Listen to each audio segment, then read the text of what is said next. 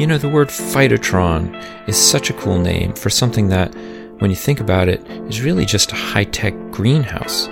But don't be fooled by that. They were everywhere in the Cold War, in agriculture, in spaceflight. The phytotron is kind of like the Forrest Gump of plant biology.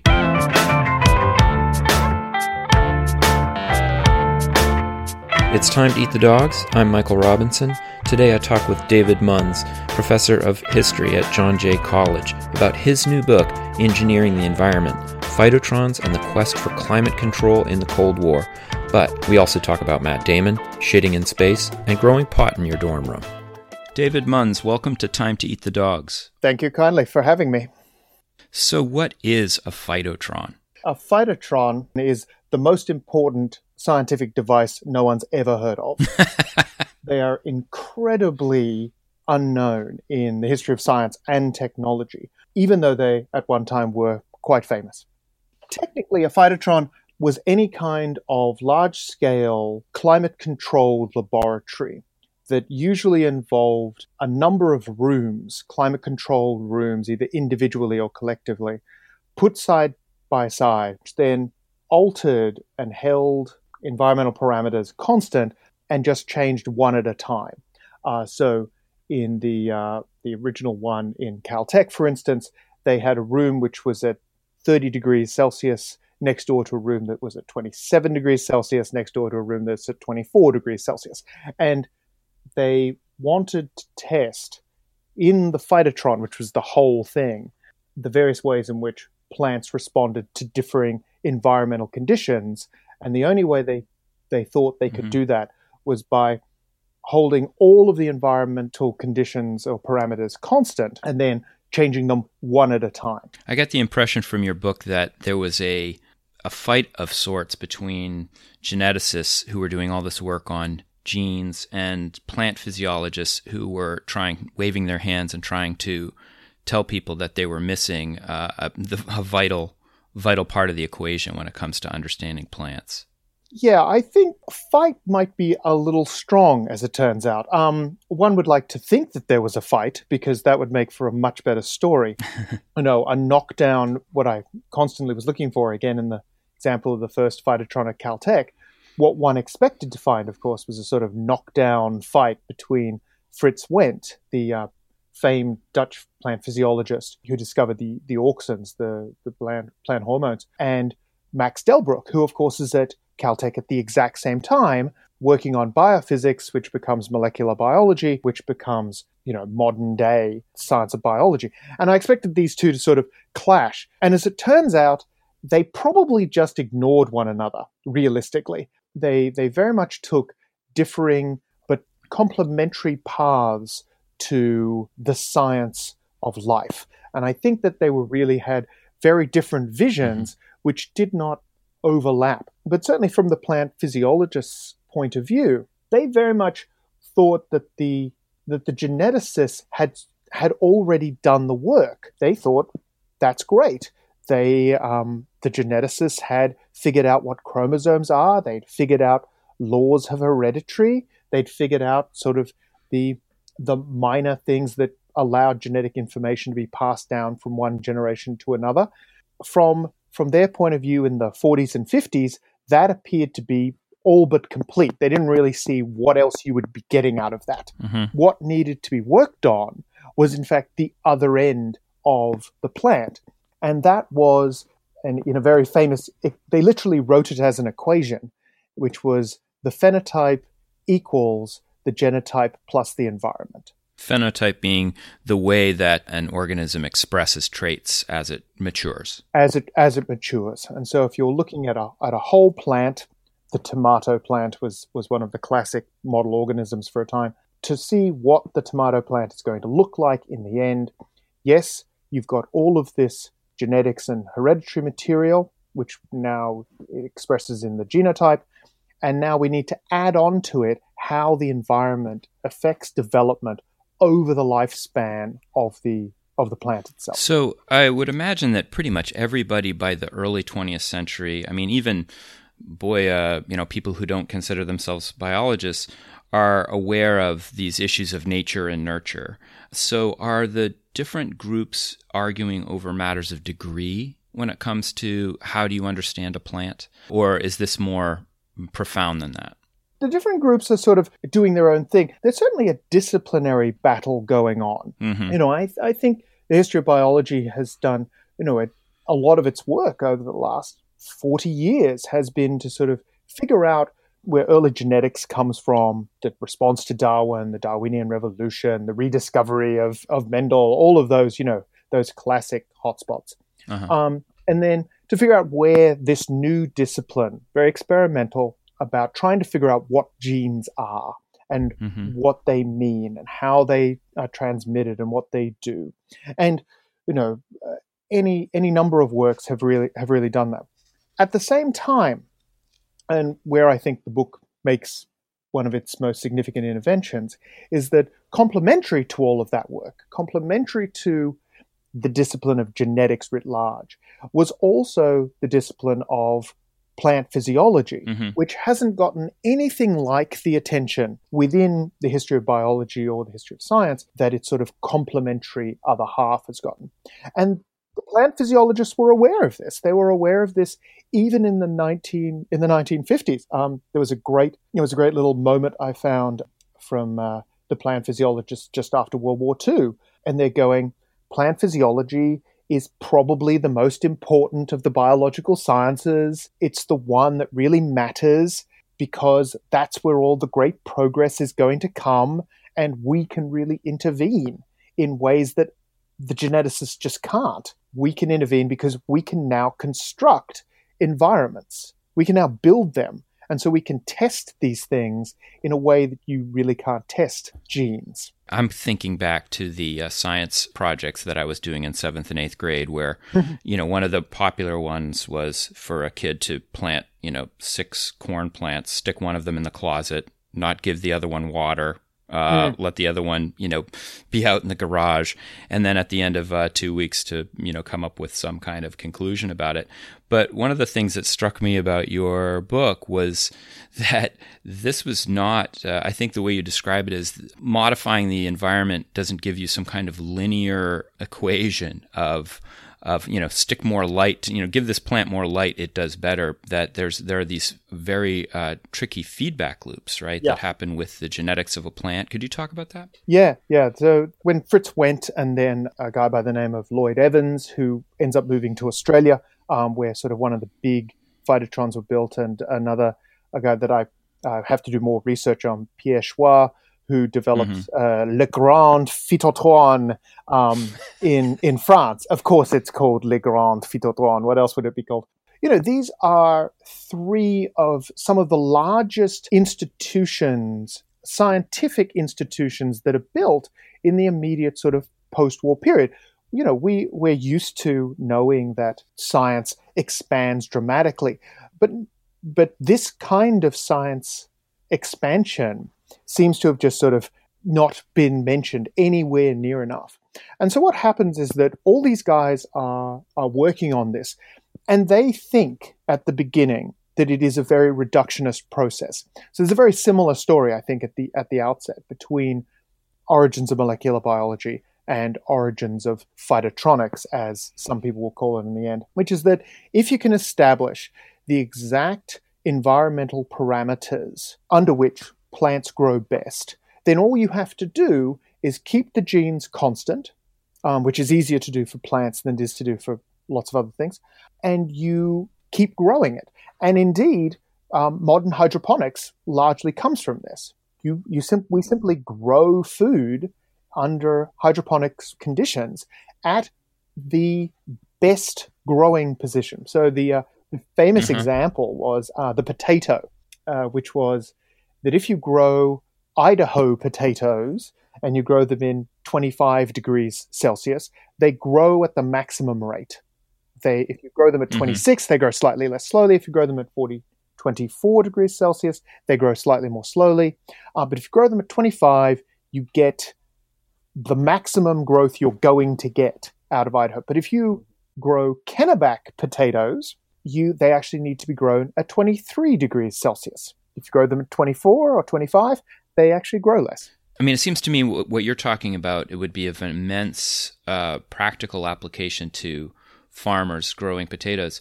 Are there people who are varying the environmental conditions to actually figure out genetic causes of these feedback loops? Or, I mean, I guess uh, the, the question differently phrased is what were people doing with the science they were getting out of the phytotrons? There was a lot of hope, as far as I can work out, about what they were going to do with the science of the phytotron. Yeah. And certainly, one of the one of the more interesting facets is that certainly agricultural industry, which of course is is a very big feature and is sort of the almost silent partner in the book. I think is that the book sort of talks about academic institutions. It talks about academic scientists, but behind them um, and around them are what we would now call, you know, the the sort of the the mass agricultural corporations. And so the most sort of famous is um, uh, the Campbell Soup Company, who wanted to grow tomatoes in the more extreme climates of the American Southwest. And so they, they supported a multi million dollar expansion of the Caltech Phytotron to test these new varieties and new environmental conditions to try and come up with a tomato that would survive in New Mexico or Arizona and would flourish under those mm-hmm. kinds of environmental conditions. And they only met with limited success, as far as I'm as far as I'm aware. they actually never really pull it off, but they're putting a lot of effort into this. Um, in Australia, uh, it's sugarcane, Colonial Sugar Refinery, the larger one of the largest sugar companies in the world, is building its own phytotron in Australia uh, to do this. Uh, the rice industry is doing this in Southeast Asia, and the tobacco industry, very famously um, in North Carolina, uh, sponsors a, a, its own phytotron essentially to look at to look at these kinds of conditions for tobacco plants. I mean, this must have made some scientists feel rather nervous, right? Because uh, as you write in your book, um, there had been a real kind of status that had been uh, attached to doing pure research, uh, where you're trying to decode the laws of nature. And especially, I'm sure the, that many of these um, scientists are, as you were saying, looking at physicists with their cyclotrons coming up with new yeah. subatomic particles. And here they have the Tobacco Research Council or whatever saying, Can you grow us bigger plants? Um, can you talk about that tension? So to return to sort of the the feedback, I think I think the idea of feedback in science then works in these sort of at these multiple levels. So in a practical sense, when they're trying to grow any plant um, under exacting conditions, what they figure out is that there is a feedback system that exists not only between the genes and its environments, that each inf- each inflects upon the other but they're also within mm-hmm. each of the environmental parameters itself. Um, that heat, temperature, light, humidity, uh, length of day, these things actually interact with each other mm-hmm. in various surprising ways. And so then they, the later generations constantly try to figure out how these complicated and literally complex feedback relationships work. At the same time, there's also feedback between various sciences. So the idea is that hmm. the thing is called a phytotron. Um, like it's not it's not just called a plant research laboratory. It's not called yeah. Uh, it's not called an experimental station. It's it's literally called a phytotron. And this is sort of one of the it's one of those moments I think where you go that what's going on here resonates at a far more significant level than just sort of academic debates or even notions about what is nature and how we integrate.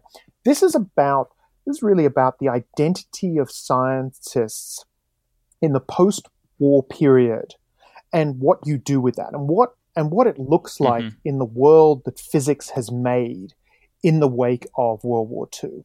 And the adoption and the widespread adoption of the word phytotron, and indeed of all the other trons, signals, I think, that there's really a, an intense feedback that we we tend to look at the creation of physics in the post-war period as it's the physicists. They they are the heroes. They've done it.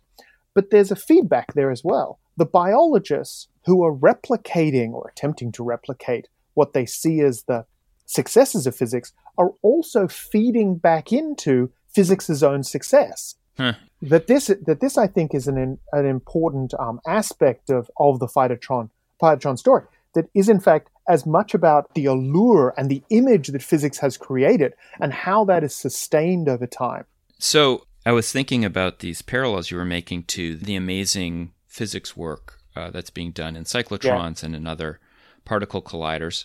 And then this phytotron, which, as you said, is in this kind of feedback loop. People are looking to physics for this, but that the phytotrons are actually really cooler looking than the cyclotrons. I think. I mean, they're just they're just way cooler. I mean, like the the climatron, which you have an image of in your book. Uh, it really looks like a spaceship, and yeah. uh, and so many and so many symbols. I mean, honestly, this is too much information, I think, for the podcast. Mm. But when you when I read your book cover and it was about phytotrons, I thought instantly of the phototron, which my girlfriend grew pot in her dorm closet. Excellent, excellent, um, excellent. And uh, I so I kind of laughed about that, and then thought, after reading your book, like actually these are really connected um, at this at this second level that you're talking about, the, all of the symbolic. So, can you talk just about what place you think that has in um, American or even international society, the, the symbol of the these things? Yeah. So when I first encountered this, it was this strange moment of um, of you know what is a phytotron? That was literally my question um, that I sent off to uh, to Nick Rasmussen, who was my former advisor, and you know he filled me in on a couple of the the details, and it it it just resonated with me because these the phytotron seemed such this bizarre word that had come out of somewhere, and I didn't really know where, um, but it really did resonate with the it really did resonate with the culture of Cold War society, and not just Cold War America. The largest phytotron in the world is actually the Grand Phytotron in the Soviet Union, which I only mentioned briefly in the book because I know practically nothing about it, and I'm desperate to find someone with uh, with Russian language skills who can go and do the research for me. Um, the second largest um, is the one in Australia, and then the third largest being the one in in France, with the fourth largest being the the Grand National Phytotron, um, which is the University of Wisconsin at Madison, which is actually was renamed the Biotron.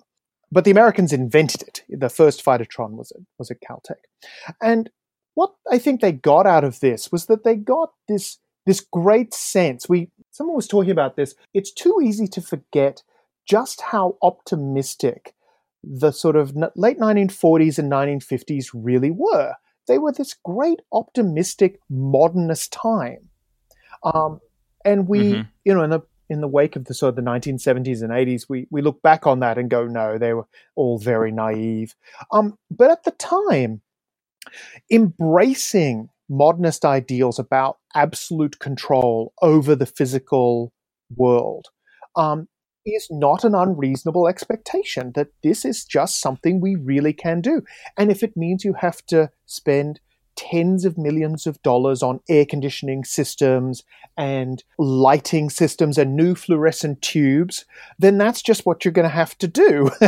um, that's how you get into it. Um, so I think there's a there's a lot going on there. Yeah. And that gets attached the uh, the optimism you're talking about with the phytotron. That gets attached to the other massively optimistic program in the Cold War, which is the space the space age. Yeah, yeah, it does. I mean, I know that this is something that you are digging into with your next book, but maybe you could talk a little about that. Again, this is this is one of those uh, surprising moments that just lurches your research off in a new direction. When I mm-hmm. when I gave a talk on phytotrons um, to a crowd in Germany, there was the very famous, of course, historian of photosynthesis, Karin Nickelsen, who asked me about the algatron. She'd come across the algatron at one point. Um, and I'm going, I don't know anything about the algatron. And so six months later, I now know disturbingly too much about the algatron, which was a um, it was originally, I think, it was designed for sort of uh, to try and use and grow algae under controlled environmental conditions so that algae could be used as a food source, uh, hunger. is is really mm-hmm. driving a lot of this. The fear of worldwide hunger, driving phytotrons as much as the algatron. But in the end, it gets used as a waste recycling system, as a proposed waste recycling system uh, for the space program. That quite literally, the astronauts were supposed to fly up there with a rotating drum of illuminated algae, which you would pee on, and that would feed the algae. And then the algae would recycle your urine um, back as water and recycle your carbon dioxide back as oxygen. Um, and in the most elaborate version that never came off, um, you were, of course, supposed to harvest the algae every 12 hours because that's how long algae lives for. And you could use it as a protein source. So, how much was the um, the interest in creating a kind of viable, completely closed, self-sustaining environment space coming up against uh, people, you know, essentially eating their own crap? Yeah, it's it's really it's really butting heads with that. Um, there's there's actually a uh, a line from uh, one of the directors of the of the human space program very early on. This is like 1963, and he he goes that we have eliminated the problem of elimination by eliminating it. Um, and what he meant by that was that the problem of what does an astronaut do when they go in space? Or more accurately, what do you do with it once you have it in space yeah. from the astronaut? The, the easiest way to get around that problem is simply to make the flights so short that you don't have to deal with the problem. Very famously, it's just in the, the latest biography by Scott Kelly. Every astronaut who goes up now to the International Space Station has to stop just short of the launch pad in in Russia, in Kazakhstan, um, and they have to pee on the back tire of the bus that they're driving in, because that's what Yuri Gagarin did. Yuri Gagarin did this. He knew he was going to be up there for a couple of hours, and so he just he just went before he got launched. And this is what every astronaut now has to do as well, including the ladies, which is an interesting story. And so the upshot is that early space flights are actually so short that they don't worry too much about it. They can they can just sort of get around the problem. It's only when they're anticipating that space flights are going to become longer and longer that this starts to become a major problem. But what happens is that the manned for the Americans anyway, the manned space program simply ends. Apollo mm-hmm. becomes Space Lab, Space Lab ends, the space shuttle again. These are short term, short term journeys into space. The the kinds of the kinds of times that would make it worthwhile, because this is a very complicated system of trying to launch bioregenerative yeah. algae ponds into space is at least in the order of months. Unless you're going to be spending at least months in space, it's just not worth the effort. In the end, it's easier just to collect astronauts' crap via any kind of containment mechanism and simply put it in a bag and put it into the trash and return it all to Earth, which is, in fact, what they do. Um, this is what they still do only in the later versions of the International Space Station have some urine recycling. It's now in place, um, but solid waste recycling is still not there at all. That is not that's not done. But the Soviet Union did a lot more work on this because they actually spent much more time in space through the 1970s and 1980s than the Americans did. Of course, all of this leads uh, everyone to know what your review of uh, Matt Damon in The Martian Ah, well, no. Um, a, everyone loves a shirtless Matt Damon, so that's that's great. Uh, if only I could get him for the cover of my next book. But it's also that you know um, Matt Damon, of course, is who we can go, but it's it's Andy Weir um, and his novel The Martian, which is what uh-huh. the movie was based on. Just did a fantastic job of the sort of reality of living on, in his case, Mars, or even the reality of living in space that the reality, and this is uh, it came through um, this work that that I'm now doing with with Karin Nickelsen on these sort of closed envir- the building of these closed environmental systems for space habitation, is that it's too easy to look at that to look at space, and Freeman Dyson was a classic example, which was we're going to have so much nuclear power, we're just going to have rooms that are refrigerators and we're all going to have all this frozen beef and we're just going to be eating roast beef as we journey to Alpha Centauri or wherever we're going. It's that kind of it's that kind of idealism about this sort of energy abundance. Mm-hmm.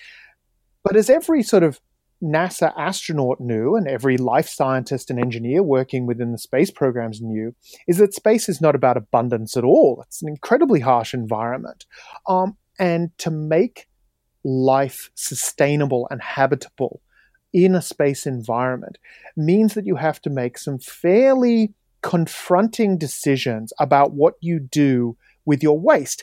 Because in space, it isn't really waste. It isn't just something you can throw away. They are nutrients, which are, as Mary Douglas would famously say, they're just nutrients out of place. They're, they're nutrients which have to be recycled back, which is why the Algatron was such a, it really worked for them. The Algatron took what humans would consider to be waste, carbon dioxide and urine and shit, literally. And from an algae's point of view, they are nutrients. That's food. They want to breathe in carbon dioxide. They want to take in nitrogen. They want to take in organic matter and they want to excrete oxygen yeah. and water, which from their point of view is waste. And once you decenter the human in your life stories, once you decenter that it's all about and only about the human, you start to see the engineering problems that, that these guys are running up against when they're trying to build this.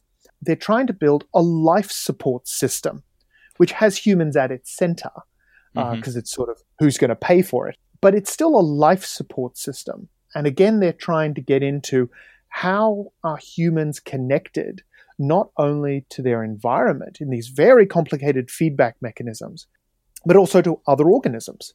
And how many organisms do you really need to take up there to completely close nutrient, material, and energy loops so that you're not just throwing a lot of material out the back door? You know, there's a um, there's a kind of irony to uh, your project uh, reading the first chapters of it where people are coming up with this cyclotron as essentially a way of creating an artificial environment like hey, we don't even need to do field research anymore. We can do it all in our room. Mm. And then by the late chapters, or, or even when you're talking about your next project, it's like, well, yeah, but now we're going to put the room on a rocket and blast it into space. Yeah. And that's essentially going to be the environment we explore with. I mean, it's just very, very funny.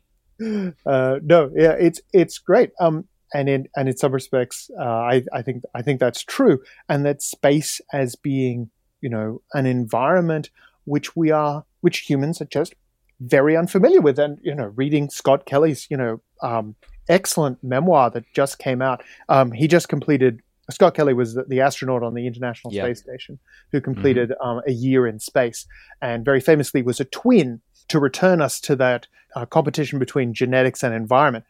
One of the reasons he was selected is he has a twin brother.